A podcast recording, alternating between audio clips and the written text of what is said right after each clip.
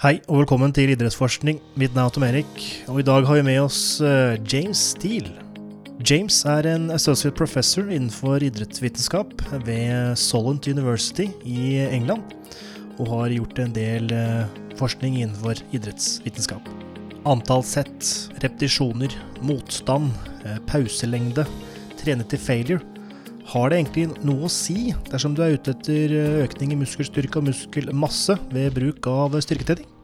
Og forskningen som finnes innenfor idrettsvitenskap, og da helst innenfor styrketrening og dette med muskelmasse og muskelstyrkefremgang, hvor betydningsfull er den egentlig når det står at en øvelse eller en metode gir 4, 5, 6, 7% bedre fremgang enn den andre?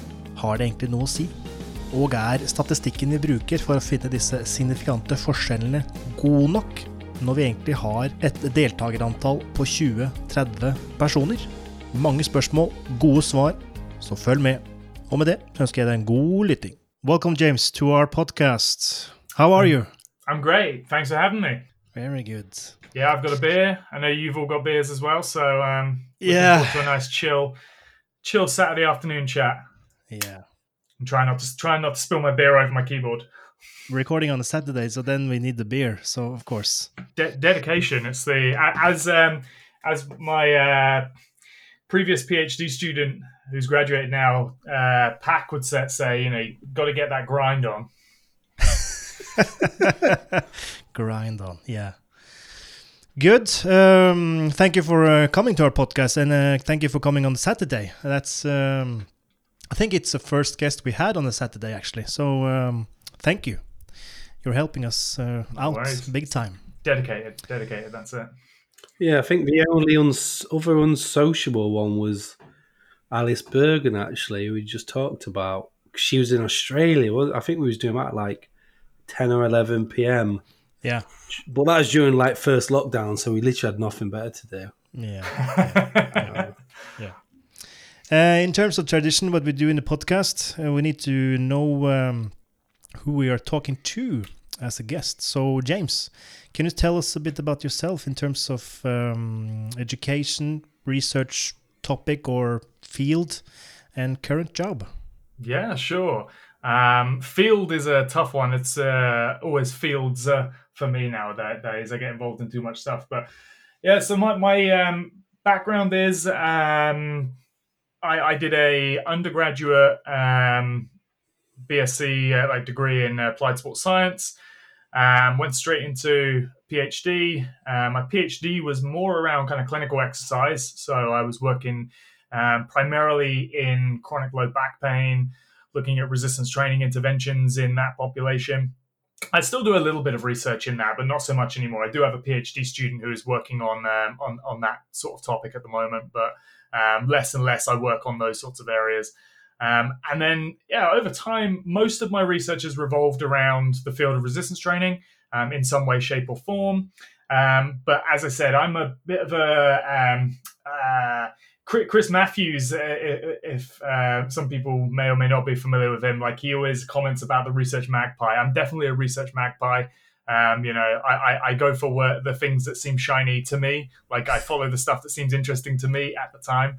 Um, and for a long time, I had a problem with saying no to anything. So if anyone came to me with any slightly interesting thing, you know, like some crappy study about like perception of velocity or something like that, like at this this this this you know obscure Norwegian researcher come to me, and uh, and it turned out he wasn't even Norwegian, and That's not even true, by the way. You, you... Israel, Israel put us in contact, didn't yeah. he? Yeah. and you messaged me.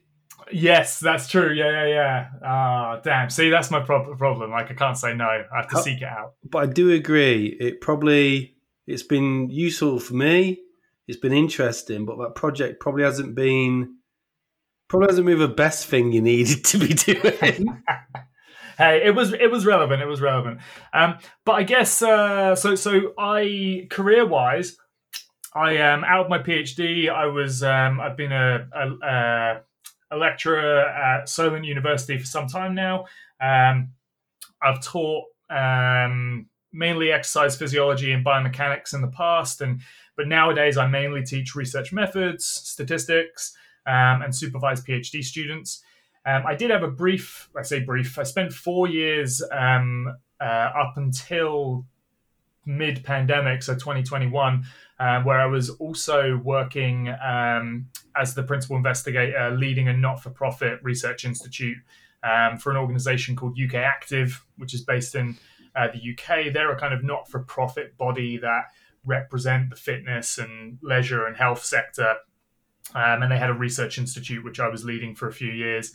Um, and uh, now I'm back full time at the university. Uh, I'm an associate professor in sport and exercise science, and uh, yeah, I, I, teach, like I say, research methods, statistics, supervise PhD students, and um, work on lots of research. Um, still a lot around resistance training. Um, another key area of mine is um, around kind of psychophysics and particularly sort of perception of effort and related uh, aspects of phenomenology. And um, yeah, I, I, do a lot of kind of like complex, uh, well, I say complex, complex for our field at least, um, statistical hmm. modeling. And, and, I'm often trying new methods and introducing sort of new ideas and concepts, I think, to the field. Not that I'm coming up with anything new, but I'm just stealing from other places and, and uh, introducing our field to them. Right, right. That's probably a nice segue for me to talk about why I specifically wanted you on this podcast. Because, like I said before we started recording, we I guess we've tried to limit um, non-Norwegian or at least non-Scandinavian stuff because otherwise that's not our niche. And there's people out there that do it better than us in English, and I'm more than happy to signpost them to that.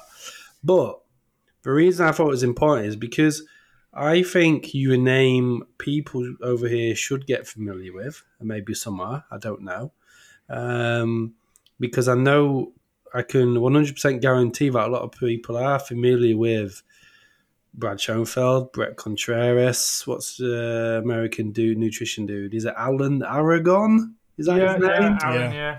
yeah. Um, this is it Menno Henselman? is yeah. another one. Yeah. Basically, all those names I know that people are familiar with. I, I don't think um, your name is as familiar, but I think it should be, kind of for the reasons you just spoke about at the end, then, in terms of stuff that you're interested in.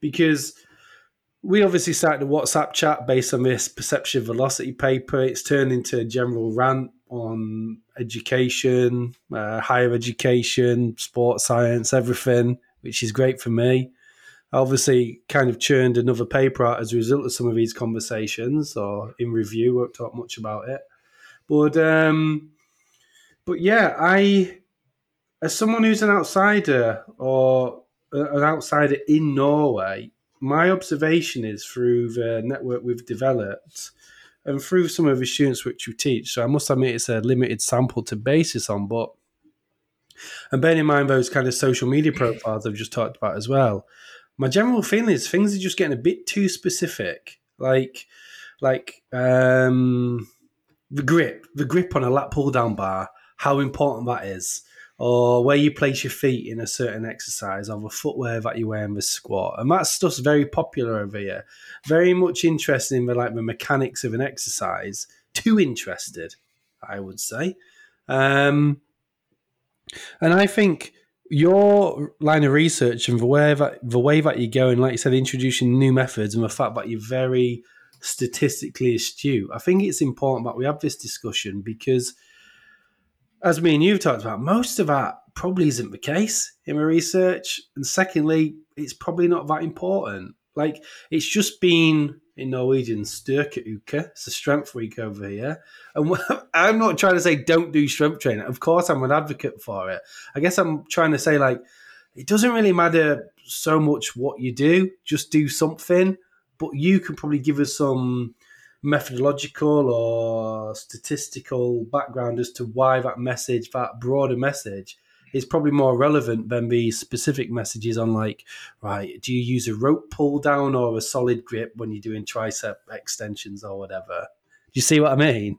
Yeah, no, absolutely. And I think think you're you're right. I think I, I've always had this kind of I I I, I sort of uh, go back and forth between the, deciding whether I'm uh, skeptical or cynical about a lot of stuff. Um, probably more towards the cynical nowadays. But um, yeah, I think think the I, I've realized over over time, and this has primarily also come because we've done a lot of um, a lot of the past research we've done, for example, has been um, well, while not perfect by any means, and and you know I've evolved in terms of my understanding of methods and statistics uh, over time as well. And I do look back on some of our early research and go like, yeah, I would do that differently now. But a consistent theme we kept finding was we would say compare you know um, pre-exhaustion training with just straight up you know regular just doing a set to failure nice and simple nothing nothing fancy um, and we didn't really find any differences. Uh, uh, we did uh, st- we've done studies looking at drop sets, similar outcomes. We've done studies looking at like negative accentuated uh, training, and and we've we've we've done a number of studies now comparing different kinds of um, specific protocols to essentially just a very simple core, you know, consistent, relatively high effort resistance training protocol. No bells, no whistles, nothing uh, fancy to it and consistently, you know, in, in a, a, number of studies, we found very little differences between, uh, you know, outcomes such as strength and, and uh, hypertrophy and so on. Um, but the real kicker for me was, um, I think, in in the last couple of years, was I, I've got more and more involved in like meta analyses. Um, and meta analyses are like a big thing in our field. And those, so I guess for those who aren't aware of what a meta analysis is, maybe they've heard the term, they don't necessarily know exactly how it works. Um, but any given study um, will sample from a population, uh, take a, a, number of individuals as a sample, but they're then trying to draw inferences from that sample to the population. And there's always going to be some degree of error in terms of the effects that are estimated because it's a sample from that population. Um, and the idea is that you try and get a sample that's representative, has got sufficient, you know, power to be able to detect the effects you're interested in, and so on. Um, but most studies in our field, we're constrained quite logistically. It's tough to get people to do interventions and things like that. So we end up with a lot of small studies. So any given individual study is really hard to um, to draw robust conclusions from in our field. Typically speaking, that's not to say there aren't some that are like you know, well powered and well designed, and and, and I would um, you know put more stock in. Um, but using meta-analysis, you know, we can take into account the um, effects of individual studies, the sampling error in those in, individual studies, the uh, random variations across different studies and their designs and different sort of like um, operationalizations that they use, and then pool them all together statistically to come up with a more sort of like robust overall answer to a particular question we have. Um, and one thing that really, really stuck out to me was um, we've recently um, analyzed uh, just over 100 uh, studies that included a non training control intervention and a resistance training intervention. So, this is like, what is the effect of resistance training compared to doing nothing? Like, this is this is this is it, uh, and the effects are smaller than I thought they were going to be. Which then made me think do you know what? All of these studies where we are comparing different kinds of resistance training interventions are, in all likelihood, at best, going to have tiny effects that are di- in terms of the difference between, between them. And I started to wonder, you know, are these effects big enough to care about? Are they worth us, you know, stressing out too much about where, like you say, whether we're gripping the pull down in a particular way, whether we're doing this many sets per week, or whether we're including single joint exercises, or whether we're, you know, all of these different kind of little small permutations of effects that uh, uh, of uh, training variables that we can manipulate how big an impact are they really having and should we care and stress about, about them so much given that um, the effects of don't get me wrong, the effects of resistance training are incredible. Like it definitely makes you stronger. It definitely builds muscle. It definitely does all those things. But I think we have this perspective, particularly driven by social media, and you know, to to a large extent, some of the um, the images that people see of um, you know certain people people giving out sort of like training advice and things like that there is this expectation that like you're going to have these radical transformations in terms of like how you look how strong you are and things like that. When the reality is like you're going to get stronger and you're going to get reasonably stronger but you're not going to be suddenly shattering world records left right and center. You're not going to suddenly go from uh, me to standing on a bodybuilding uh, stage and winning the mr olympia. Um, it's the effects are consistent; they're just not anywhere near as big. And um, yeah, the, these kinds of between intervention effects are likely to be incredibly small, and so small that the types of studies we do are just not big enough to detect them. Uh, you know, to any sort of like uh, um, uh, degree of confidence, I would say. So yeah, so I think there's been a lot of uh, stuff over time that has kind of brought me to this perspective of um, it largely doesn't matter too much what you're doing. And don't get me like don't get me wrong, like the freaks who love to, you know, get stuck into the nitty gritty of this stuff and obsess over it and stuff like that. I, I think there's more of a uh, interesting sociological question that could be asked around like them and that culture and why they do what they do and things like like that. Um, like I've always had this idea that um, I remember like as a like teenager when I first started picking up like Flex magazine and you know and that's what that was my like source of information. Muscle and fitness. Exactly, exactly. and um, you know, I, I remember um, you would always have this kind of like perspective, um, and you would speak to people, and often the advice that you would take would be based on how other people looked or how other people performed. You'd think the massive guy in the gym is the guy I should ask about training because the way he trains must be why he looks like that. Whereas over time, I've started to realize maybe he trains the way he trains because he looks like that and because he looks like that he's become part of a particular kind of like subculture which is you obsess over this sort of stuff and you start getting you know uh, wondering about tweaking this and tweaking that and trying to eke out these tiny little gains. And you maybe even start to believe your own hype of, uh, given enough time and exposure to it. So yeah so i'm uh, I, am very much kind of uh, of a perspective from uh, from the evidence that I've kind of encountered and, uh, and we've sort of produced that most of this stuff doesn't matter. Like for, for, for 99.9% of the population, just do some resistance training, do it reasonably consistently, and do it reasonably hard, and you're pretty much going to get everything you're going to get out of it. Sounds a bit sad. no way, sounds perfect. Just do stuff. That for me is music to my ears. So when you read a book, like we have, um, we call it pensum. It's uh, what's the word? Curriculum. Like uh, Curriculum. Uh, in English, yeah. you might use indicative reading for a, mm. for a module. Yeah. So we have you know uh, some some books and we have a lot of papers, often in a, in a, in a topic or a, a module module class or mm. yeah whatever when you read the books, you see that um, in an early phase, you will get uh, one percentage increase in muscle strength if you're a newbie, right? Uh, are you now saying that isn't true, or are you saying that the one percentage is um, too high of a number because of the sample is so small? So if you have a bigger sample, you will get a lower percentage, or because you can see 30% increase, 40% increase, 50% increase in maximal strength. Are those yeah, skewed so, because of the population uh, recruited, or what are you saying here? So the strength gains are like like don't get me wrong, like like the strength gains that people see are typically like they're they're still relatively impressive. So I mean, if we look at the, um, for example, the the meta-analytic data from you know hundred plus studies that we've looked at, comparing it to non-training controls, um, the majority of these studies are 12 weeks long, so so that, that that's something to bear in mind. But we've also got some long-term data, which I'll talk about in a minute. Um, the the typical standardized mean difference, um, so what what would be referred to as like a Cohen's d or a Hedges g type effect size, um, is around about 0.9 for strength gains over that period of time.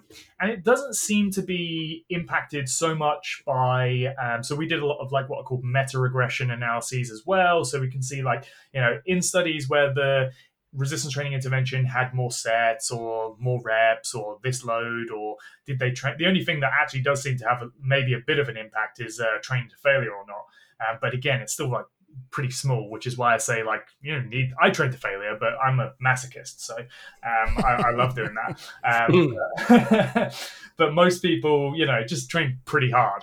Um, and that's pretty good, much good enough. But yeah, so we see like a standardized mean difference of about 0.9, which you know, if you go by the old school kind of Cohen's thresholds, would be a quote unquote large effect. So that's mm. a large effect.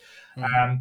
And if we look at what's called the uh, response ratio, which is another kind of effect size, um, which can be expressed essentially as a percentage change, um, it's interesting. Like the, we we should probably use the response ratio as a type of effect size more often in the types of studies we do because it's less impacted by the pop the sample standard deviation. Um, and there's some interesting stuff around that, like small sample, you need even bigger samples to get a good estimate of the population standard deviation um, than you would do to get a good estimate of the population mean value. And so, standardized mean effects like Cohen's d, Hedges g type effect sizes can be impacted more so in small samples than in large samples, whereas the response ratio is less so. Um, but we see changes of about 20, 20 22% or something like, like that over 12, 12 weeks in strength, which is pretty good. Um, in terms of muscle, uh, like hypertrophy outcomes, we see a standardized mean difference of about 0.4, um, and that equates to a response ratio of about 5% um, over the same period of time. So, so, and these are like really consistent effects. Like, like I mean, you almost don't need studies to go like strength training gets you stronger, lifting weights builds muscle. Um, but it gives us a good idea of like how much to sort of like expect on a population level. Um, but we've I guess the, the main point I was kind of making was that if, for example, the difference between not strength training and strength training is, say, a 0.9 effect size, then we can't, it would be weird to expect anything more than that as the difference between strength training program A and strength training program B. Um, or like even more so for like hypertrophy stuff. The hypertrophy stuff gets me more because uh, the really to be testing the sorts of hypotheses that we might be interested in from a hypertrophy perspective, we should be doing studies with like hundreds of people in them, um, or not concluding too much from single small sample studies. Um, I, as a side note, my my kind of view on most individual studies nowadays is um, that I, I I don't really my my ears don't prick up. I don't get excited when I see a new study come out. I typically think like, huh, that's another data point I could include in a meta-analysis at some point. um, and um, but in terms of like longer term stuff, like we there's not very many studies that have implemented interventions and tracked over time what the progression of strength actually looks like in response to resistance training. Um, but we were we were pretty lucky. Like um, we've we've actually managed to get hold of some very big sample uh, data. We we published earlier this year um, a paper which had just shy of 15,000 participants in it. Um, and we, and bear in mind, they were also doing like an absolutely minimal dose resistance training program. They were training once a week, doing single sets to failure of like six exercises. Um, and we had data for just shy of seven years. And um, typically, what you see is over the uh, first year or two, um, strength has increased by about 30 to 50%. Um, but by six years later, it's only about 50 to 60% of baseline. So there is this kind of like um, plateau that kind of inevitably happens. You know, people inevitably sort of like reach their limits and strength gains become harder and harder to obtain. Um, we also did some uh, analysis of the open powerlifting data set as well um, and found similar, like the, the trajectory of strength change um, seems to be a fairly consistent phenomenon. It's like rapid gains and then it starts to slow and plateau out, which again, it's like, it's not something that, it's not that surprising to people, but it's almost something that, um, implicitly in certain conversations and the way certain people talk about uh, the effects of different manipulations of training intervention you know you hear about like busting plateaus and all this you know do this program to bust it break this plateau and do that and this that and the other and uh, i mean the, the, we you know we've looked at data from tens and tens of thousands of people um, I've actually got another data set with one and a half million people in it, which is just get down to looking at, at the moment. Um, that's going to take some uh, some work for me to think through that at the moment. But uh, we did some simple analysis on, on some of that data as well, and, and again shows the same sort of effect. Like pretty much like uh, again, like it's a sad truth. but I guess you you could look at it two ways. It's like it's a sad truth, maybe that like everyone's going to have a limit like, and and unfortunately, you've just got to get comfortable with whatever yours is. Um, unless you want to go down the route of using special substances. Um, and even even then, like uh, maybe we need uh, maybe we, we should temper our expectations for how effective they are. If we, you know, have, you, have you seen um, Icarus? Yeah, yeah. Yeah. Yeah, yeah. I, I've always, again, had the cynical view of uh, a lot of things on the WADA banned list. We have no idea whether they even work, so why on earth are they banned? Um, but yeah, uh, uh, but like you say, from your perspective, Matt, like, like on the other hand, you could look at it and go like, oh man, wow, this like takes a load off. Like I don't have to stress so much about it. Like I'm going to get like pretty much most of what I'm going to get out of training if I just do something consistently and do it relatively hard and you know just stick to it over time and eventually i'm going to kind of get there and maybe you know focusing and specializing on certain things and you know uh, trying to sort of like emphasize certain aspects of training may eke out tiny little differences in outcomes of interest but for the vast majority of people, you know, it is a niche population that are interested in those things. Um, and so, you know, the, the vast majority of people who are consuming like social media and the recommendations of kind of you know the quote unquote like evidence based fitness community on social media are you know they're not stepping on the stage as bodybuilders. They're not uh, you know entering strongman or powerlifting competitions. They just want to be they just want to look a little bit better naked uh, when they're on the beach. Um, or maybe in trunks on the beach. uh, depends on what beach you go to. Like, uh, that's your thing, then sure. Um, you know, or, or, or just be stronger for daily life or sports or whatever. But um, what do you think uh, about that, Tom Erik? Well, I think well, it's still sad. So uh, yeah, but um, um when we recruit uh, participants to our studies, uh, we class them as uh, strength trained because they lift uh, their own body weight in bench press, right? And I think that are you really strength trained when you only lift uh, your own body weight in bench press? I'm like, that isn't impressive. So is it a problem with the population we recruit and when we call them untrained or recreational trained or strength trained?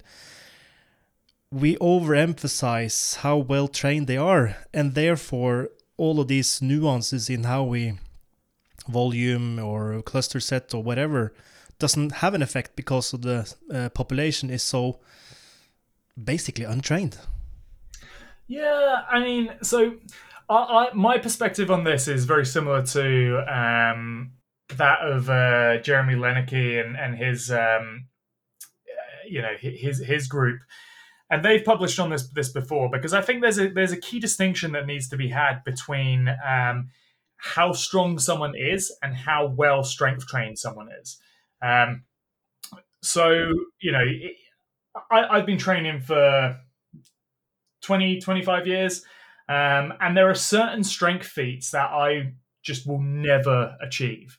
Um, and it seems ridiculous to, particularly if anyone's you know, maybe I'm banging my own drum here, but if anyone's watched me train hard, like it would be hard, to, and I've trained that way consistently for, you know, 20, 25 years.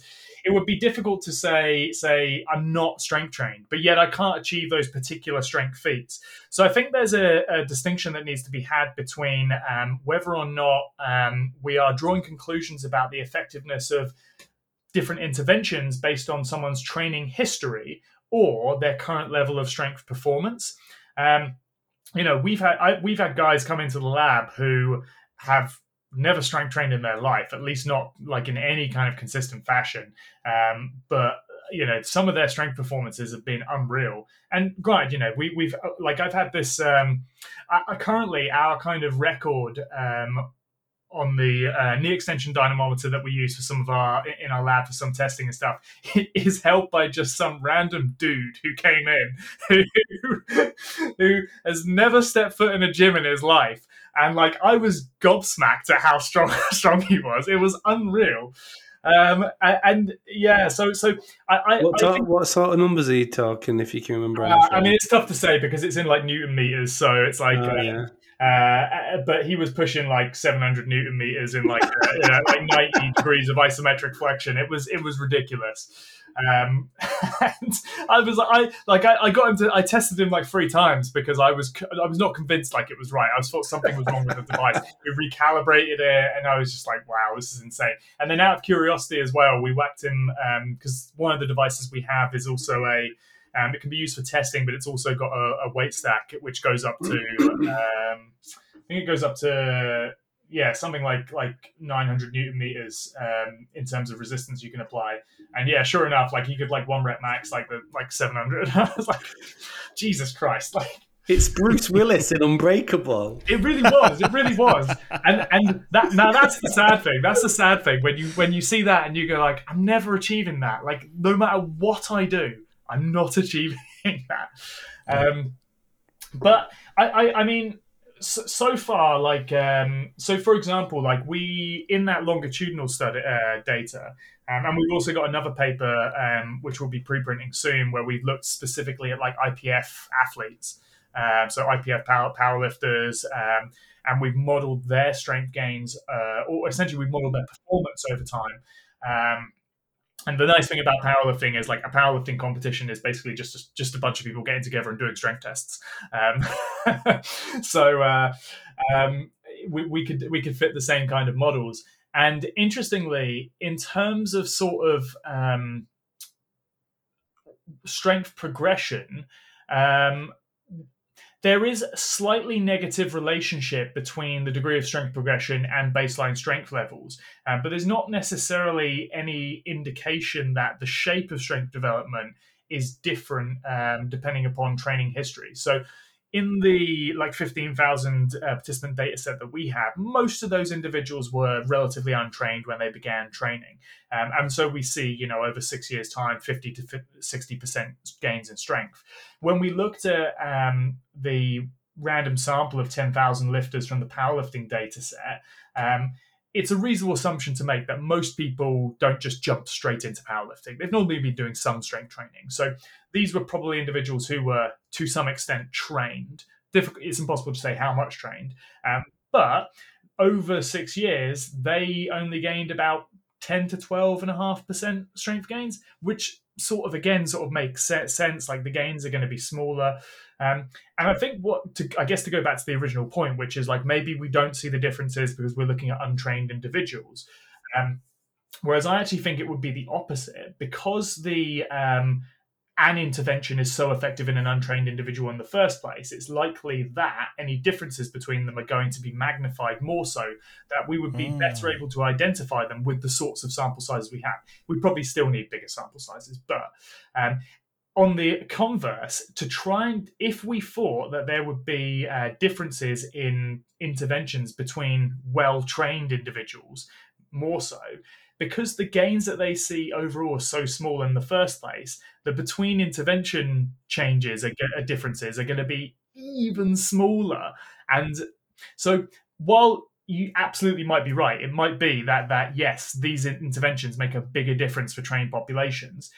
I think that's an empirical question that is going to be very, very, very hard the way the field is currently set up to answer, um, because uh, you know you'd be looking at needing intervention studies with hundreds and hundreds and hundreds of individuals, or um, you know we would need and I'm a you know big big sort of like proponent in the more sort of like open transparent science movement. We could learn a few things or two from fields like you know clinical research where it's typical to do multi-site trials, you know, big cluster trials where you'd have multiple sites across the world or within a country all collecting data to boost up the sample size. Or, um, you know, in psychology, they have something called the Psych Science Accelerator where they can run huge studies across the world. Um, and so, more of a sort of like concerted effort to do that, I think, would help with it. Or the alternative being that we don't put too much stock in these like individual studies that get published with small sample sizes, and we extend to, instead take the sort of perspective that I have, which is, huh, that's a nice little data point that could go into a meta-analysis at some point in time, and maybe some point in the future we'll have enough of those studies to do that meta-analysis and get a robust conclusion. so it's almost like so. keep doing the studies, but on an individual basis, probably not worth anything. But at some point, it'll be nice for you in yeah. analysis. Well, I kind of think as well, like, so. I mean, I look back at like my PhD research, and while it was all, you know, I, I think the studies were well designed, they were well conducted, and things like that. Fuck me, like I had, I, I did not have enough participants in them. Like, like no way did I have enough participants in, in them. Um, but I, I also think now I'm supervising more PhD students. The more and more I kind of stress that even like most of our research is produced by PhD students. Let's be honest. Like it's mostly PhD students, master students, and things like that. Um, and they are logistically uh, constrained, time constrained, because they have to do the study within a particular frame of time to get their qualification. Um, and the point of it is, is actually like let's be honest. Look at the rest of the field. The rest of the field's got so many problems. Let's not put too high expectations on what we expect from a PhD student to be able to do in terms of how big the study actually is. Um, because also the point of it is to train them to be a good researcher not to like do a study that like completely changes the world.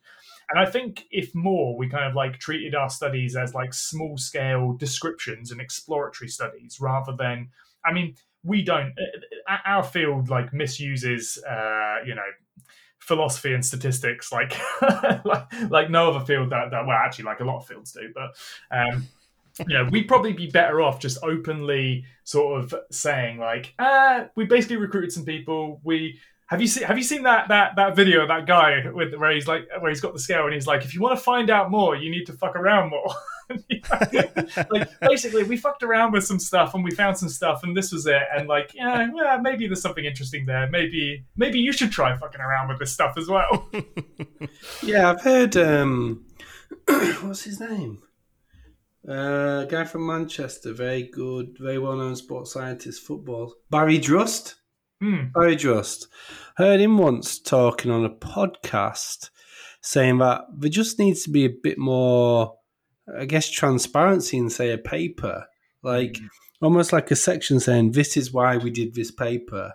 Because some of the time, this paper was only there to say, jump through a certain hoop for a PhD student, or it was this master's student's dissertation we felt it was appropriate to publish or whatever. It's like just being a bit more clear on on why you're publishing. And I've had this discussion with Tom Erik a bit and with some others. Like it, it's like we can't. I think I've had it with you as well, James. We should grade dissertations. So when I say dissertation in Norwegian, I mean bachelor bacheloroppgave. We should have a sec. We should have like a weighting where we grade their effort. So to give you an example, I had some students, right, who did this interesting biobanding project where they organised a tournament. They had to go to a football club. They recruit, they like uh, recorded height and weight of like fifty kids. Got them in the tournament, organised referees, organised a pitch, put a lot of hours in, including travel to this tournament. But they was never going to find anything meaningful because of the sample size. Because ultimately, it was a survey getting feedback on the tournament structure. But 40 kids is obviously a tiny sample for a survey. But to manage 40 kids for several days, it's a lot of effort.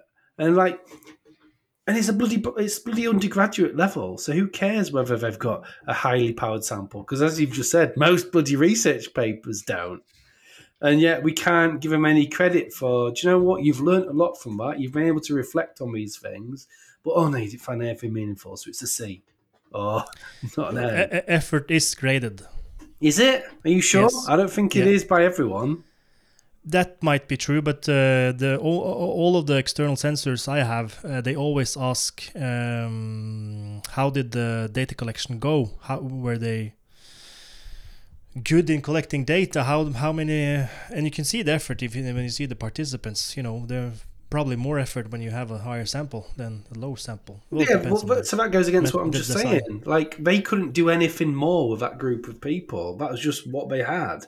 And this is where, like, uh, you know, um, Daniel Lakens uh, has got a wonderful paper on sample size justification, and and I think the transparency is the key in it. And we've been quite clear about this now, now going forward. So I mean, I um, I'm the, I'm the guy who disappoints people when they come to me now and they say, "We want to do this study. Can you help us with a sample size estimate?" And I they hope I come back with ten, and I come back with hundred.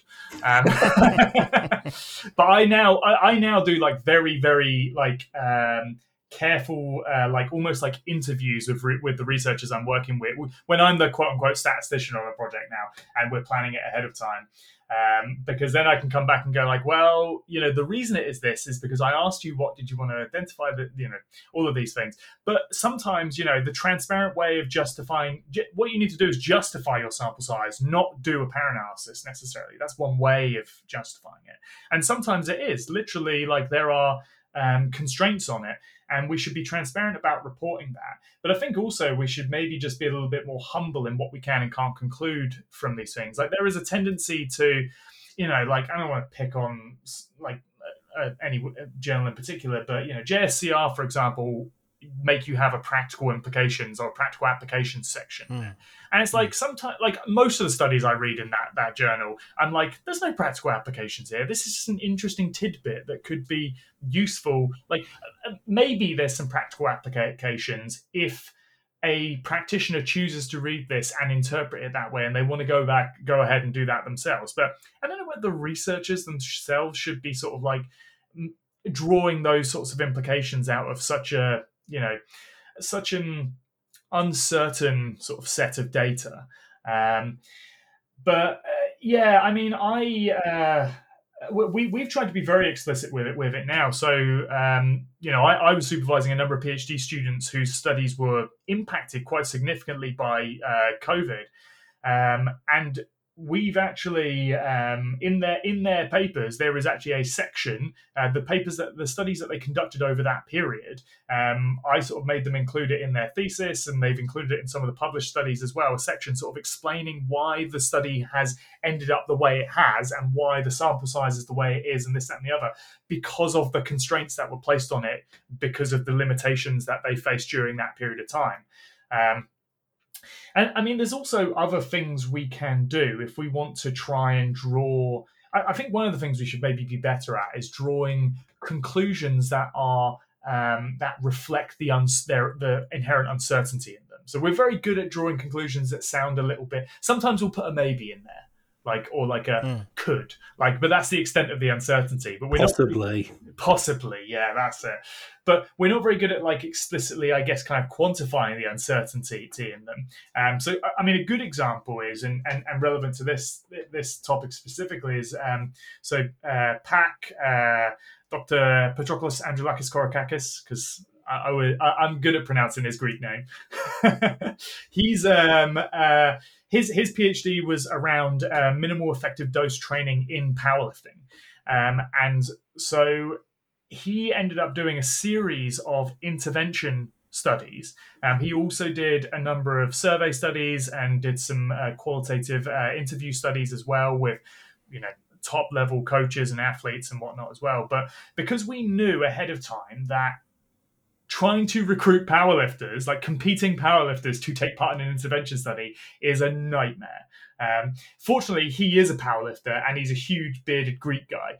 Um, whereas if I went and asked a bunch of powerlifters, like, could you come take part in my resistance training study, please? They'd tell me where to go. Whereas at least he had the buy in a little bit. It's um, Kratos. exactly.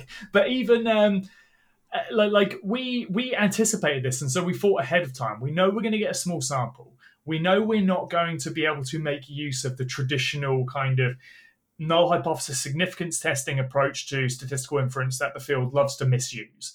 Um, you know, we're not going to be able to. We know we're going to be able, we're going to be misusing it if we do that, so we're not going to do it. Instead, what we're going to do is we're going to do add in a study where we ask coaches and athletes how big of a change would be, uh, well, what essentially is the smallest change that you'd consider to be meaningful in, you know, total bench, squat, deadlift.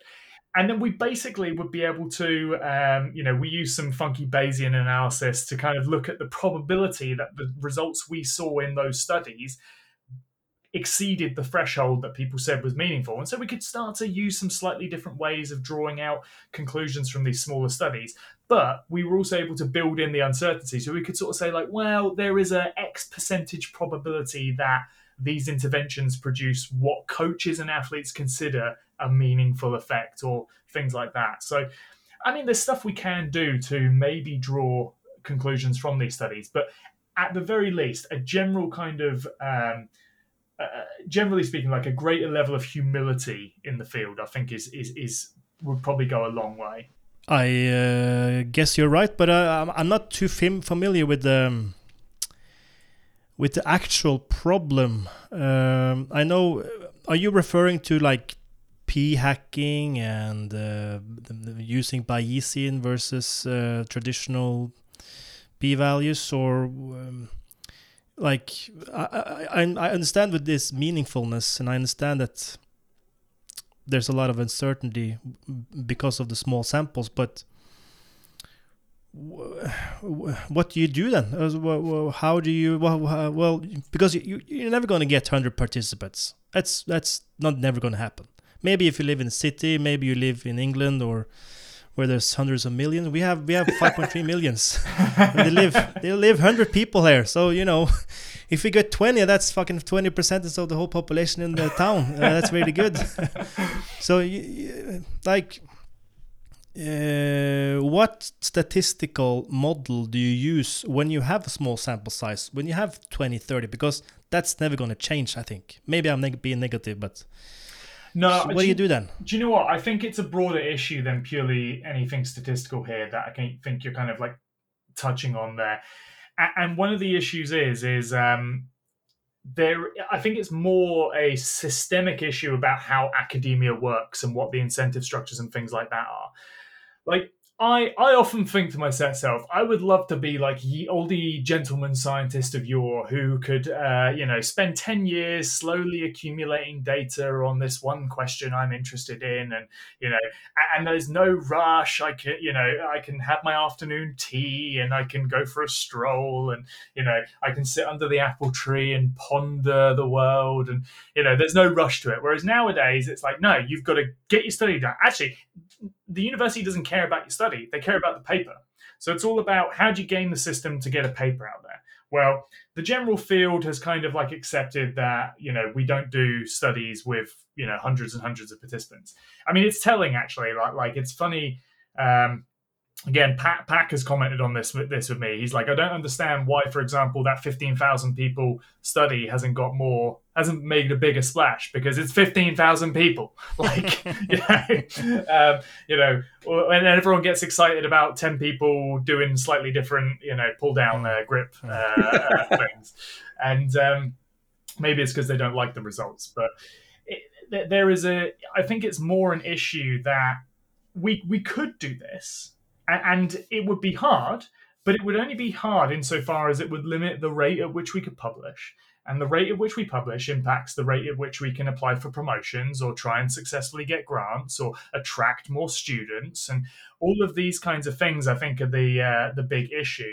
Now, and do you know what? Like, I'll be completely honest. Like, I'm. It's all well and good me um, making a lot of these comments um, because I am very fortunate to be in a position where um, at least now in my career, I can be a bit slower with things. Like I can, you know, I, have I've had some things that I've been, uh, you know, slowly working on, slowly adding a bit of data here and there, you know, over time for a couple of years. And like, I'm not in any rush to do it. Like, it's going to get done when it gets it gets done. I want it done right, and you know, or we've got we're lucky enough that we've been able to forge, um, you know, relationships where we can try and get to the sort of uh, sample size we need. So a great example is going back to the discover strength relationship we had.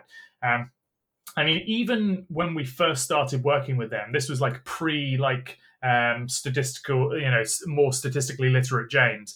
Um, was we were still doing like RCTs with, uh, which for the field were relatively big. You know, we had like sort of 60, 70, 80, 90 participants in these studies, um, which was, you know, pretty good, and we were pretty impressed with that.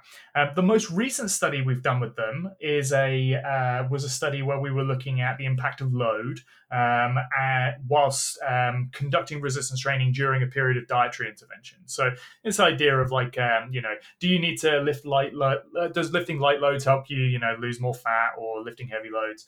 Um, and we we deliberately we sat and thought about this a long time we thought about like how are we going to we know now like we've we've had the curtain pulled off us we know that like um we we would be very aware that we would be cheating if we uh, if we tried to just push through something that we knew wasn't as good as we thought it could be um so I sort of sat down and and uh, and said, right, you know, we'll or we all collectively sat down and said, we're going to do. We know we're going to need a big sample size because the effects that we're trying to detect are going to be small. They're going to be small, and that's that. Um, we also know that another way to improve the uh, uh, power of the study is to do a within participant study. So we designed like a intervention washout period cross like a crossover design.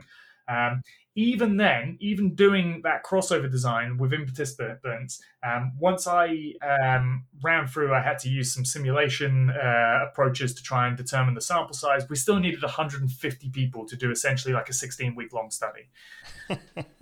and uh, we were like, oh, shit. Like, we were hoping it was 10. Um, what do you mean by simulation, though, just for anyone listening? Um, so sometimes so so a lot of obviously like simple study design say you need to do a t-test and ANOVA these sorts of um, statistical approaches um, there are um, analytic solutions to um, determining sample like if you want to detect an effect size in that particular um, type of study design using that type of statistical test um, and you know what you want your type 1 error rate to be you know what you want your type 2 error rate to be then there are analytics uh, like basically just mathematical solutions to go, this is how many people you need, or how many people it estimates you need. Um, whereas for study designs that use slightly more complicated statistical models, so in particular, anything that uses like what's called a mixed effects model, and um, where you have like other parameters in the model that include sort of like um, random variations between participants over time and you know I, I i i do a lot of like what i call like mixed effects models now. In those sorts of models it's difficult to um, anticipate ahead of time what some of the parameters might be to be able to use any kind of analytic solution.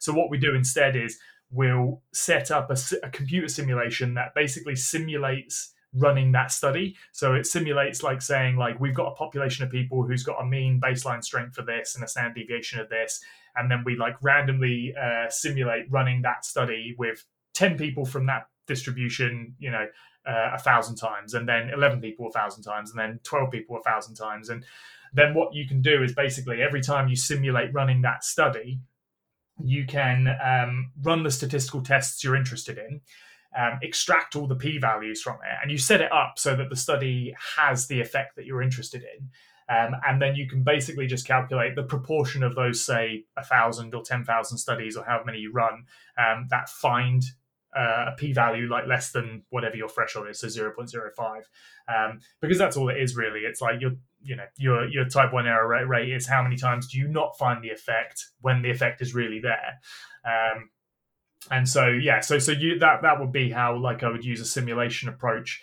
Um, it could be it's I, I really like it because it really makes you think carefully about what your study is and what you expect to happen in your study before you run it.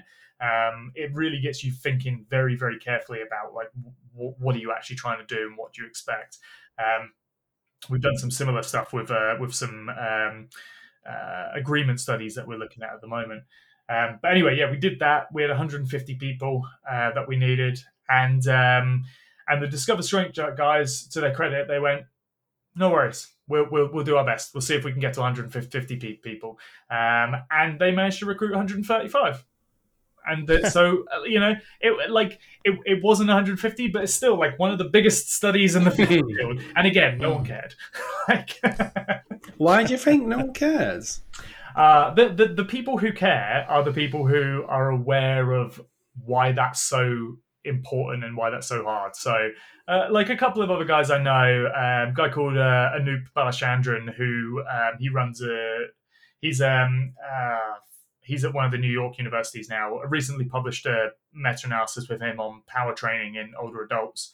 Um, but yeah, he he was very he he uh, commented back and and, and said, said like you know wow that, that that's an incredible sample size for for that kind of study.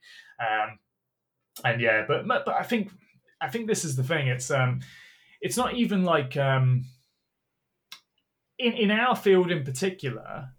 I don't even think it's necessarily that people are, you know, use like the idea of like p hacking, and sometimes that's used in a sort of like malicious way if people are like deliberately trying to find the significant results. I think like most statistical faux pas in our field uh, most I say, not all, but most are probably things that people are just blissfully unaware aren't like are not not good good statistical practice. Um, and you know, it then really. no, I mean, I, I'm. You talk about being cynical. I think there is an element of that, but I also think people think, yeah, well, what can I do about it? I'll just do it anyway. Do you know what I mean? In terms of, I do think generally it is due to a lack of understanding of stats. And I'm a big fan now. Anytime I want to write something, I want to get someone much smarter than me doing the stats on it. I'm happy to accept that. I don't. If someone ever challenges me, I'm like, yeah, I can interpret it, but I can't run it. I'm, I'm fine with that. I can sleep at night. I think, I think there's more people than you maybe think who will push a square peg through a round hole based on what you said before of making sure that publications out there. So it might not be as me, they might not they might basically hype up the results more than they know they should, rather than thinking something's really effective because of an uh, an ignorance to the data. If you see what I mean. Yeah, potentially, potentially. I think that it's interesting in the sort of realm of what I guess gets labelled as QRPs or questionable research practices. Um, you know you, you can split between i mean there's an inherent link between i guess um, statistical sort of qrps and then other broader qrps you know like because you can you can over hyper you can do all the stats right um, you know and uh, and i don't know let's say you find no significant difference and um, inevitably it's an underpowered study so maybe you shouldn't conclude that the null is true based off of that in fact like you shouldn't not maybe uh, possibly um, but uh, you know, maybe then in your conclusion you'll ignore that and you'll just talk about, oh yeah, but we found a you know a Cohen's d of 0.6 uh, within group or something like that. Um, and I think sometimes, like, I, I, do honestly think from the interactions I've had with a lot of people, you, I mean, you're definitely right. Like, there are people who know better, um, and while they might not, they might not know enough to really know their shit about you know what they're doing. They know en- they they at least know enough to know that like they probably shouldn't be doing it the way they're doing it. Um, but I I'm a lot of people I speak to are surprised when I kind of point out certain things to, to them and be like, yeah, no, we that's not the yeah, we probably shouldn't. We what about this? Like, uh, let me explain this to you. Um, like I did a I did a um, a bit of a summer school for staff over the over um, summer break this year, I kind of, you know, I've been taking a, I've, I've come back into like uh, teaching more regularly. I was previously up until last year for a couple of years only doing sort of like PhD supervision and teaching. Uh, but now I come back to teaching some undergrads, and I was like, oh shit, how am I going to dumb this stuff down enough for undergrads now? I can barely explain this to my colleagues.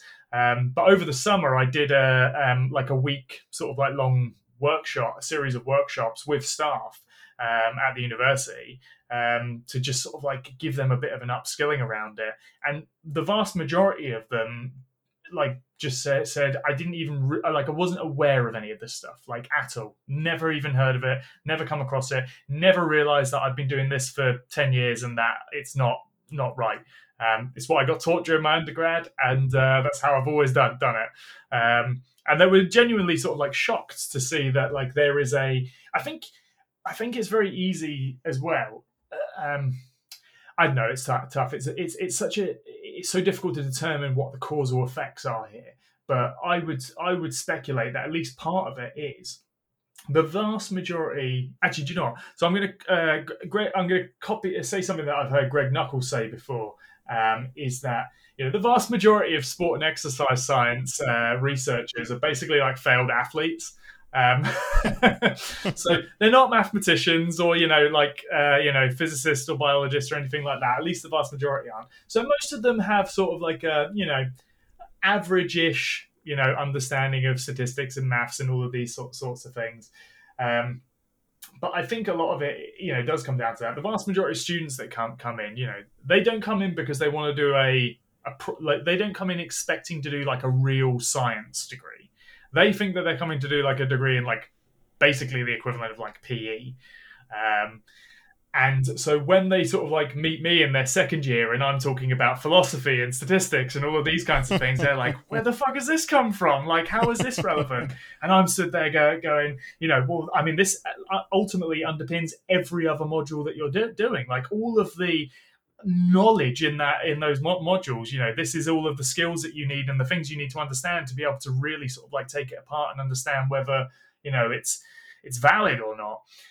And um, and and that's the problem is is those students students come in not liking things like statistics and then but yet they can still get through and then they still you know do a phd and all of their predecessors all of the staff have gone through the same process and i mean it's like you said so said matt you know maybe one solution to this is more collaboration with rather than just going the guy who knows how to use spss can teach stats um, actually like collaborating more with uh, these kinds of you know individuals who actually are trained in this stuff um, and could like actually teach us it better. Um, yeah, I don't know. I feel like I'm waffling now and just rambling, but it, it, it's it's it's a messy situation, uh, and and I don't I honestly don't know what the answer is really to sort of like fix stuff because it's not just like I say, it's systemic stuff. There's um, you know individual level stuff. It's just it's all a big mess really. So I, cha- I changed my uh, Twitter um, uh, picture recently to um, the comedian in Watchmen, just saying it's a joke. It's all a joke, and I feel yeah, like that, that, more and more now. just, just to uh, have a comment, which I don't actually mean, but uh, with with the way we started, that do strength training doesn't matter what you do. How do we get couldn't here? We just could, couldn't we just couldn't we just apply that to stats? Just to the stats doesn't matter. If you find a positive result, you will always find a positive result. Or am I wrong? Well, do you know what? You know, there's a kernel of truth, I guess, to what you what you said in the sense of good study designs don't necessarily even need stats to. I mean, if we if we were doing studies to try and detect effects that were big enough that we could just observe them. Like mm. we hmm. wouldn't even need stats. But then again, we'd also be questioning why are we wasting our time doing those studies for things. It would be like the equivalent of doing a study to see whether or not uh, men are, uh, are on average taller than women. I mean, it's such a big effect. We know, like, we don't need to do the study to to test that. Um, hmm. But I, I, um, I guess a more serious note, like, I wonder whether, in fact, what we should be doing is more what's called descriptive research. So, I mean, what we're typically trying to do when we use um, inferential statistics is to draw inferences about um, effects within a population that we've sampled from. And most of the studies we do aren't great at that process of drawing inference because of you know uh, all of the stuff we've sort of discussed. Um, what we could be doing instead is just saying like this is just a descriptive study. We collected these people. These are the results we found in these people. And leave it at that.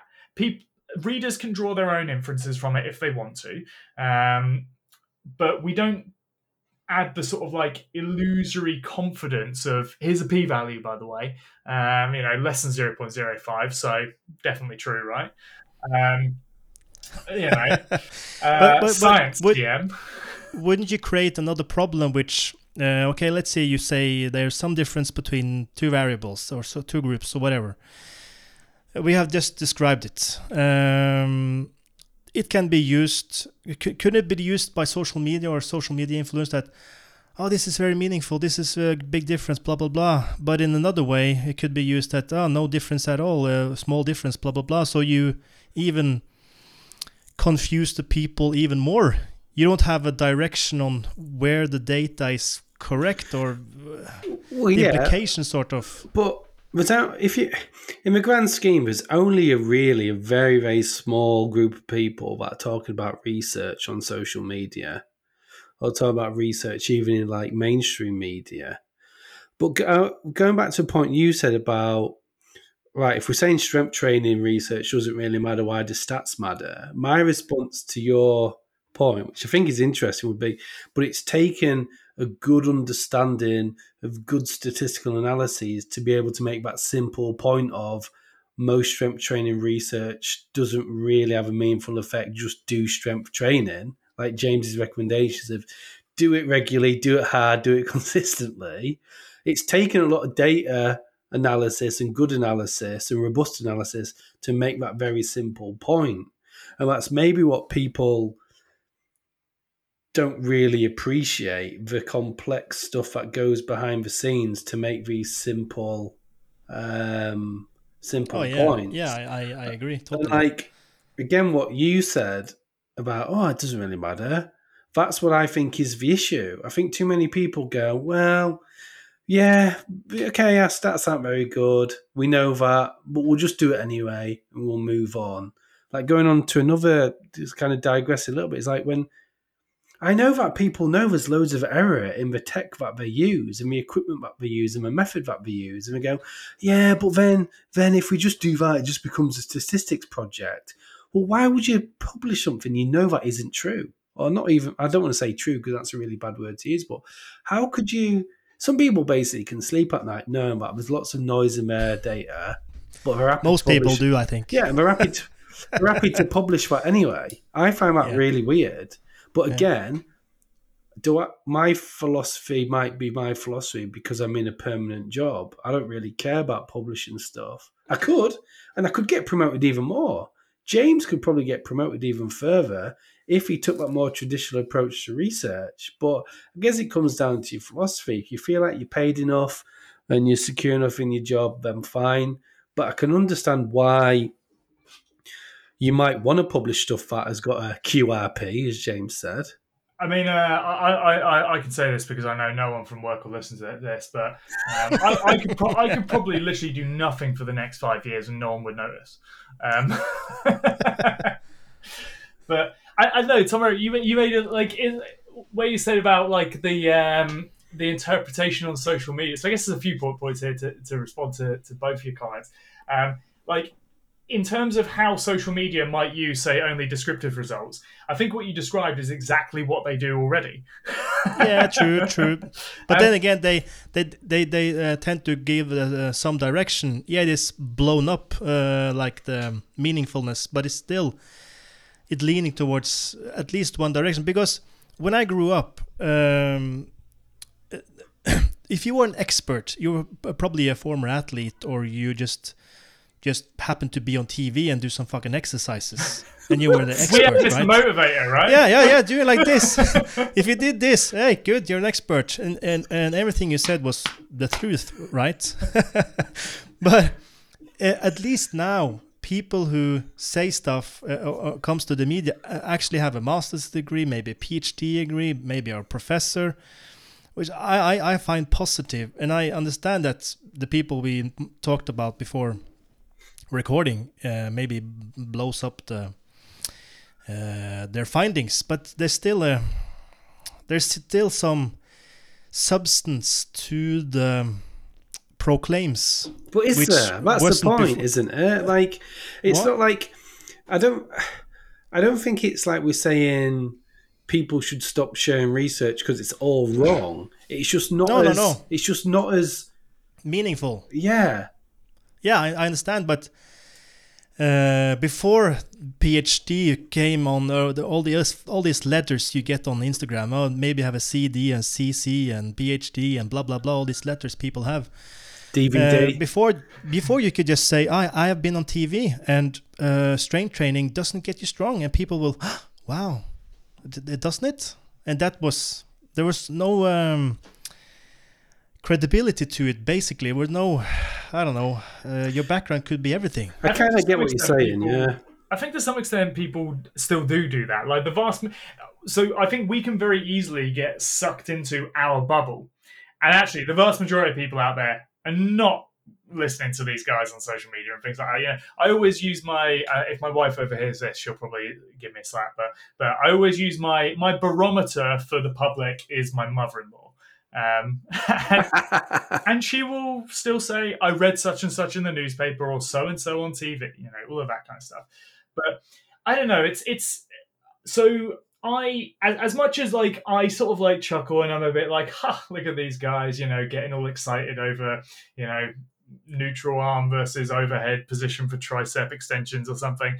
Um, you know, my again, I'll, I'll, I'll use Pack as an example. You know, he's he's always got a bit more of a laid back opinion. He's like, yeah, cool, you know, but by and large, like, the most of what they put out is at least somewhat like you know it's reasonable information. Like it's not like they're telling people to train seven days a week, do fifty sets. Of, you know, they're not it, mo, within a within a reasonable band of like fairly sensible sounding programs. And if you know if you want to buy into it and you want to buy into the hype and the excitement of tweak this, tweak that, do this, do that, like um, then that, that's fine. You know, there's no harm, harm to it. I don't, I don't really think. I also, and again, I think this is you know, it's interesting actually, Lee. Spend enough time on social media, you can kind of, even if people don't talk about their kind of politics, I think you can get a sense of people based on some of the things they say, um, just or the perspectives they have on even topics like this. Like I'm pretty sort of like laissez-faire and and to some extent almost like libertarian about this kind of stuff. Where I'm like like, do you know what? Like if if I uh, you know if people want to interpret it that way, if people want to do that, this that and the other, like you know, I'm not. I, I, I, this is part of the reason why I try to be very much more about. Um, I'll t- I'll give you my conclusions and opin- opinions once I feel really confident about them. But other than that, I'll describe the results of the study, and you can do what you like with it. Like that's your call, like your body, your choice, like sort of thing. Um, but I think as well, like why. Um,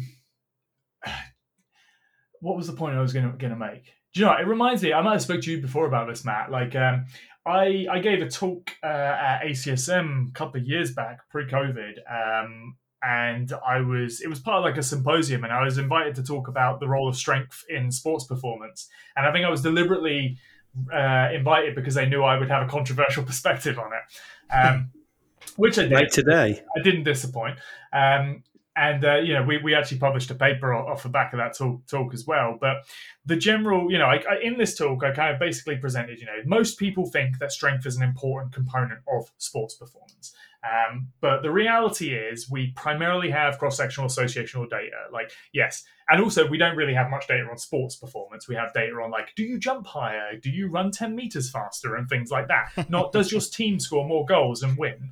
Um, mm. So you know, and then I, I basically used my sneaky thing, which was I'm going to pretend I'm going to talk to you about strength and sports performance, and then what I'm going to do is give you a methodological lecture about what, how do we answer such causal questions in our field. Um, but in the Q and A afterwards, someone someone asked me a question, and again, I can't remember the question, but it led to a bit of a discussion, and I made the point of kind of saying like. Our field is actively disincentivized to at least if you are working as you know an applied practitioner or anything like that in the in the field you're kind of almost disincentivized to be completely honest about the state of knowledge in the field whether you're consciously aware of it or not, because if you really honestly turned around and said, I don't really know if what we're doing actually improved your performance on the field or not, they'd be like, Really? Okay, well, you cost this much money a year, so why don't you go off somewhere else and do something? Um, and I think the same thing now applies to things like social media. You know, people uh, make a living out of being a social media ex- influencer or fitspira- I don't know what's the term whatever whatever we use in this inspiration inspiration you know or evidence you know evidence based social media person you know people put out con- it's now come about putting out content and content and content and content and uh, like I, I've people have often asked me like you know in the past like when are you going to write a book? I was like I'm not going to write a fucking book. Like like why would I write why would I write a book about like like I can distill my opinion, my my perspective on this in, in like a few lines to you. Um, and you know, I, I, think you need to be a certain kind of person to be able to. I think you to an extent to believe your own hype to be that kind of person, uh, to be able to just constantly churn out this content that you know someone like me looks at and goes like, "Oh, isn't that cute?" Um, you know, I feel like a real asshole sort of saying it because some people make a living off of this sort of thing, uh, which I don't think is generally that harmful. But yeah, I don't know. I know what you're saying about not being that harmful and it really probably isn't. And I guess I'm fairly liberal in that way as well. Like I said, your body, your choice. But I think for me, it's more about how can I say this? Right. I'd rather say, for example, you're teaching this kind of subject, you're teaching strength conditioning or you're teaching sports science, and you spend too much time talking about a lot of stuff that's a lot of research that isn't really as effective as you think. I'd rather they spent the time teaching students how to just like interact with other humans. So, for example, I think they do quite a good job here. Vida and Otler, our colleagues, do a pretty good job with this personal. They do like a year studying personal training, and and both of them have worked about context. And Vida's pretty good at like taking stuff with a pinch of salt and saying like, we always talk about students like when they reflect on the sessions, and it's all like oh grip or foot placement or posture, whatever. And he's like, did you actually ask them how they're feeling? Did you ask them how they're feeling during the session? And so he's pretty good at reflecting on that. But I wonder how many others uh, may be spending too much time talking about, oh, this study showed that when you have a slightly wider grip on the lat pull down, because Jeff Nippard did a video on it.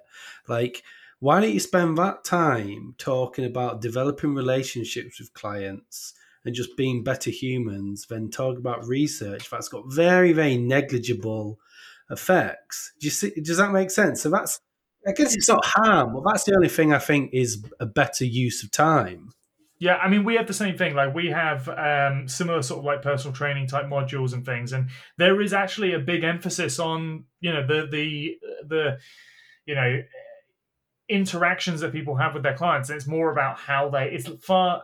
I, I I'm quite happy that it's more about how do they actually deliver the training and work with their clients, and less about like those sorts of things and you know, I, I don't really train anyone anymore except for in studies or you know friends who come around and train in the gym with me. But you know, e- even today, like like uh, my brother like asked a question about you know, oh, yeah, should I do it this way or should I do it that way?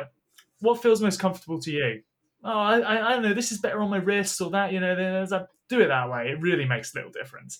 And it's like like th- those little little fit, fit. I think one of the things that that area of social media forgets about or no, that's not fair. They don't forget about it, but it's not it's not what their it's not their selling point. Their selling point is the hype about eking out little gains, you know, transformations and you know, uh, optimizing and all of these kind of kinds of things. Whereas for the vast majority of people, it more comes down to figuring out what works best for them and knowing that there is a considerable degree of variety um, that could be you know, uh, there's a huge menu to choose from in essence in terms of what you want to do. Like if you want to just do bench squat deadlift for the rest of your life, that's probably fine. Like you're gonna get pretty much what are you gonna get out of there. If you want to just do push-ups, pull-ups, and some bodyweight squats, okay, you'll be doing the bodyweight squats for some time.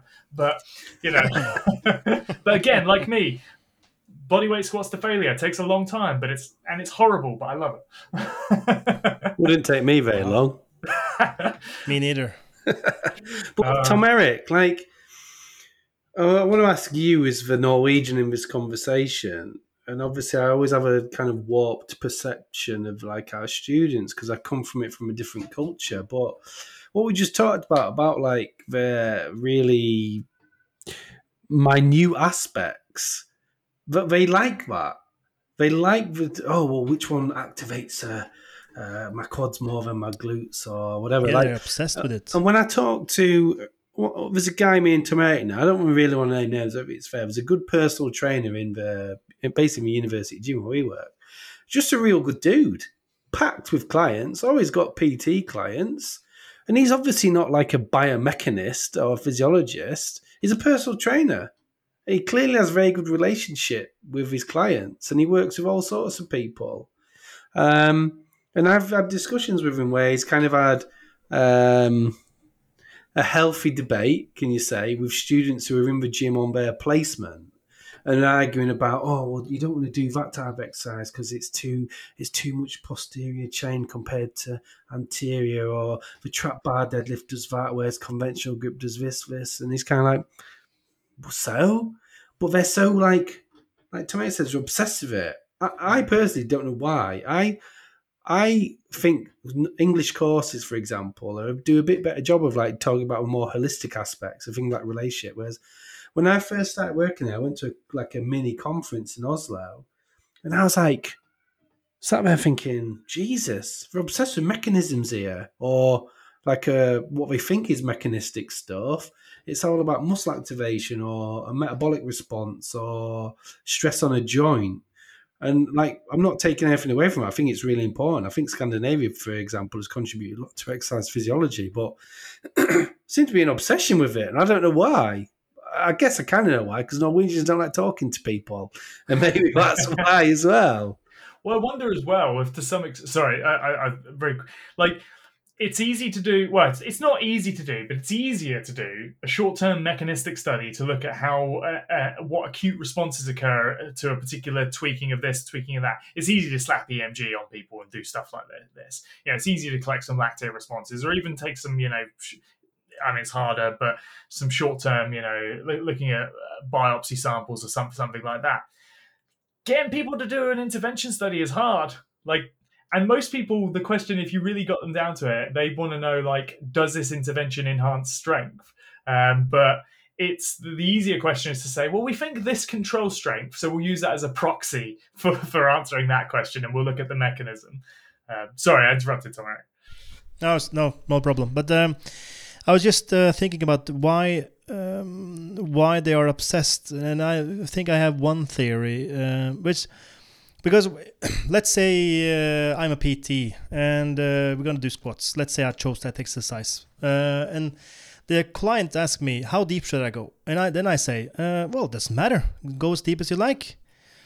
Doesn't that comes that it's um, it shows or uh, it could show that, oh wow, my PT doesn't care about me, or yeah, if you're if you're trying to build a relation with the customer you maybe need some concrete uh, advice or answers to the question the customer have and therefore it doesn't matter how deep you go but if you if you uh, uh, provide a concrete answer that maybe help with your credibility and your uh, trust with the client and the relationship further so yeah but you, you know, know, why you yeah know i know why, why but i'm okay, but i'm yeah. still used saying that well go go uh, go uh, to parallel where the femur is parallel to the to the to the floor if you can like yeah it doesn't matter i know it doesn't matter but for the client it would be a i don't know no, but what, what I meant PT. was though you could answer further questions.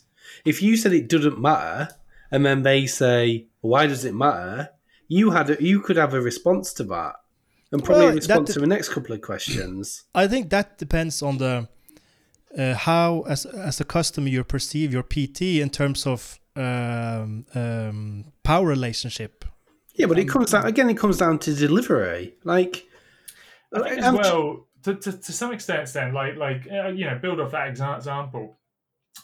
There's a in, in, that sort of situation, there are still while while we might say, eh, in terms of your strength development, or, uh, you know, hypertrophy, the kind of outcomes maybe you've come to me as a trainer to help you develop, it doesn't make too much difference. Maybe in this example, the strength is a different thing because you know eh, there is some degree of specificity. If you want, if and you might say that to the client, you might be like, "So you're you thinking about like, does it matter to you to be able to increase your squat RM, or do you just want to get stronger so that you can, you know, go for hill walks the, at the weekend or whatever. Um, you know, so so you can kind of understand if they're like, no, I want to compete in powerlifting. You'll be like, great, okay, we need to, uh, you know, we need to train the thing that you're going to do. Um, and so in this situation, it does matter. Um, but maybe generally it doesn't. Instead, maybe there's some other considerations. Okay, so uh, what kind of, you know, what's your sort of uh, history in terms of any hip, knee injuries, back injuries, things like like this. You know, I think there's uh, there's things where you know the uh, it would be it's it's it's almost it's uh, it's a little bit of a kind of caricature to say like uh, or maybe a PT will go like ah it doesn't matter do what you want. Uh, because because then they'd be like cool so what like not pay you? Be like oh wait no that's not what I meant. You yeah, need me yeah, standing yeah, here counting reps for you. Um, but yeah, so I think this this is where it's like um like like I guess guess like what you were kind of like saying, Matt, is um you as the uh, as the um the uh, the trainer have this information in your back pocket, but the way you interact with the client um, isn't to just go like nothing matters. Do what you want. One, It's about strategically using it. So one of our ex graduates, I think, is a is a great example of this. Like he has he's worked in strength conditioning for, for some time now, and um, he he always jokes that his role is as a strength conditioning coach is to babysit athletes. Um, like you you make sure they're happy, you make sure they don't break, and then everything's good. Um, and then it's hard the, the, the, rest of the role is about getting their buy-in to do stuff. So sometimes it's about going like well i know that doing this isn't better than doing that but i can sell you on this better because you think it works better because of some you know magical mechanism that might help work it work better or you've seen your favorite athlete doing it or whatever. Um, and so you know it's about making sort of like um, decisions about you know what's going to work best for the client in terms of you getting them to do you know follow the program and things like that. I guess an argument could be made in the converse. It's like, like well isn't that a bit patronizing to the client rather than just explaining to them you know no this doesn't really matter? But i guess you know that was my first point is you can kind of say like well for these what outcomes are we thinking about here? This that okay for that no it doesn't make too much difference but we've got to consider this you know your particular circumstance you know maybe you've got an acl injury or whatever you know and we'll tweak things a little bit to kind of like fit you. But this is the magic of the uh, of the fact that for that outcome it doesn't matter. So if we make these tweaks it's not going to Im- negatively impact the thing that you care about. So we can make all these little personal tweaks for you and you know and you're still going to get the sort of benefits that you need.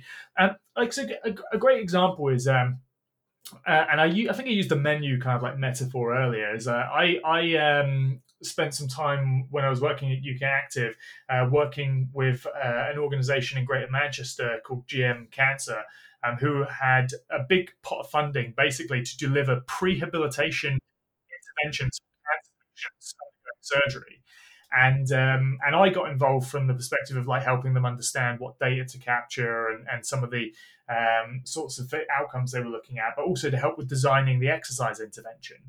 And the it was an interesting situation because they only have like a very short period of time before they get told you're going into surgery, and then the surgery's there. They end up with like often like three weeks, and it's three weeks to go like right, let's just quickly like get them as strong as they can, as fit as they can before they go into surgery. Um, but at the same time, they're cancer patients. They've been undergoing chemo and things like that. So you can't just batter them with exercise. Mm-hmm. you need to be like very careful with it. So we had to come up with this kind of like, you know, very sort of like sensible, sort of minimal effective dose. It had to be the right stimulus, not too much, not too little, um, very Goldilocksy. Um, but one of the other key practical issues was this was being delivered across all of Manchester, across a number of different gym sites. And so there was no guarantee that that gym had the same equipment as that gym or that gym or this gym or that gym. But at the very least, we knew like what we we had like a core program of they need to do an upper body pushing movement, they need to do an upper body pulling movement, they need to do some sort of compound lower body movement, and then the trainer is free to select some additional exercises if there are injury concerns or things like that they need to work around. But those are like that's the, the core things they need to work on. And then it was a case of going like, like, like, right, you now have a menu of like, you've got like overhead press, you've got like dumbbell uh, press you could use, you could use the chest press, you could use the bench press machine. You've just got to do an upper body push with them or an upper body pull and all of these things. Because largely for that patient in that situation, it doesn't matter if they're doing bench press or chest press or overhead press or things like that. We just want to get them stronger um, in to some degree. Um, and so it, it, I often use a similar sort of approach when I'm whenever I am having conversations with uh, with people or in the past and I've been training people. It's to sort of say like, look, you know, one of the benefits it is that we can actually we can go by your preferences, we can go by any kind of injury concerns or other issues that we have you know, we can even go by the availability of equipment where you're training, or all of these kinds of things can help you kind of come up with a program and still feel confident that it's going to be effective and it's going to be pretty much as effective as it's going to be. It, you know, if you haven't got access to this special piece of equipment or you can't do that special exercise, don't stress about it. It's not going to matter too much. Hmm. Hmm. I think that's a really good point. I feel like that's a really good point to finish on, actually. me personally, and also I'm looking at the time. But um, yeah, I think that's t- to kind of get meta about that. We kind of said like a lot of this isn't so important. It doesn't. A lot of these things aren't so specific, like you said. For some people who just need to be getting stronger at a push, it doesn't matter what the push is or what you're pushing. Do the pushing. That's the first thing. Let's get people doing that because we've got a lot of people in the population who aren't doing enough of what they need to be doing. So why do we need to be stressed out exactly what we're doing? Like their first session is madness. But I feel like we all have, we, all three of us in this chat have kind of agreed that.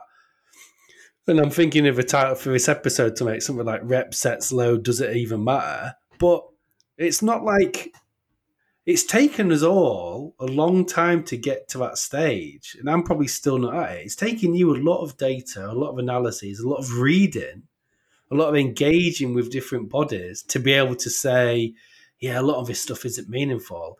It's not like like a guy me and Tom Erik work with. Just he says it as a kind of joke, like, "Oh, I don't believe in anything." I don't believe in anything. I mean, Nihilists. what do you say? Ichurichi Yeah. Panuka, Ichurichi Panuka Vitinskap doesn't believe in any science. And like, look at looking at it, sometimes you think, yeah, I think you might be right a lot of the time. But the point is, you can't say that at the start of like your journey. Oh, it's so cliche journey. You can't say that at the start of like your research process. You got to believe in something, then test it out and and and recalibrate. You can say that after a while. You're not qualified to say that at the start, and that's the key point. Really, we're not saying uh, this podcast is about saying, "Oh, nothing works, don't do anything." It's like, right, be be critical because what you'll find is the more reading you do, probably the less importance you need to put on certain things. I give you an example for me.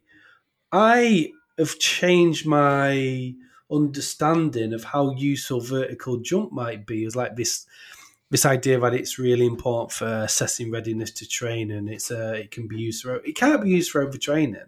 As far as I'm concerned now, from the literature I've read, there's there's nothing to suggest that vertical jump is a decent measure of like overtraining status. That's been I've changed my opinion of that because I maybe based on reading one or two papers before on neuromuscular status in football players and they use vertical jump. But as I've read meta stuff and I've read narrative reviews and more more meta science, yeah, I've changed that opinion. So for me to go, ah, vertical jump don't really show us anything in that context. I'm not just guessing that. I've had to do the reading there in the same way you've had to do you've had to do the reading and the, and the analysis you've done to be able to say, right, the difference between not doing strength training and strength training is quite small. So it's basically impossible to say that there's a bigger effect with these, within or between the strength training interventions. That's my takeaway from this conversation. How can that even make sense? How can you say that, oh, compare these two studies on grip, there's a larger effect, larger than the effect of strength training versus no strength training? That's madness. Yeah, I mean, sometimes I, I, I've- got to say it's been quite helpful as well to pick up some specific like bullshit detectors for certain studies. Like when I pick up a study and I see uh, an effect size between groups that's bigger than, I'm like immediately like, one, they either screwed up the calculations, which is a distinct possibility, um, or two, there's something fishy about this.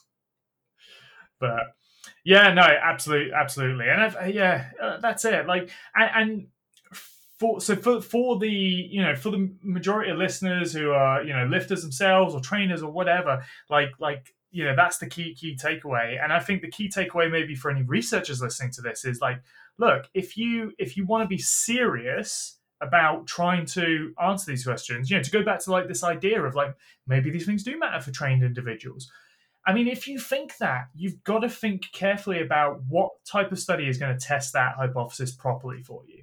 And the the rea- harsh reality is, it's a hard study to do. And so, let's start thinking. Let's start. You know, if the if the field as a whole thinks it's important, why don't we come together and try and you know collectively do something about it? Um, I've got a secret big project that I'm working on at the moment, which I think is going to largely uh, support my existing perspective, but might be able to help with some of these questions at some point.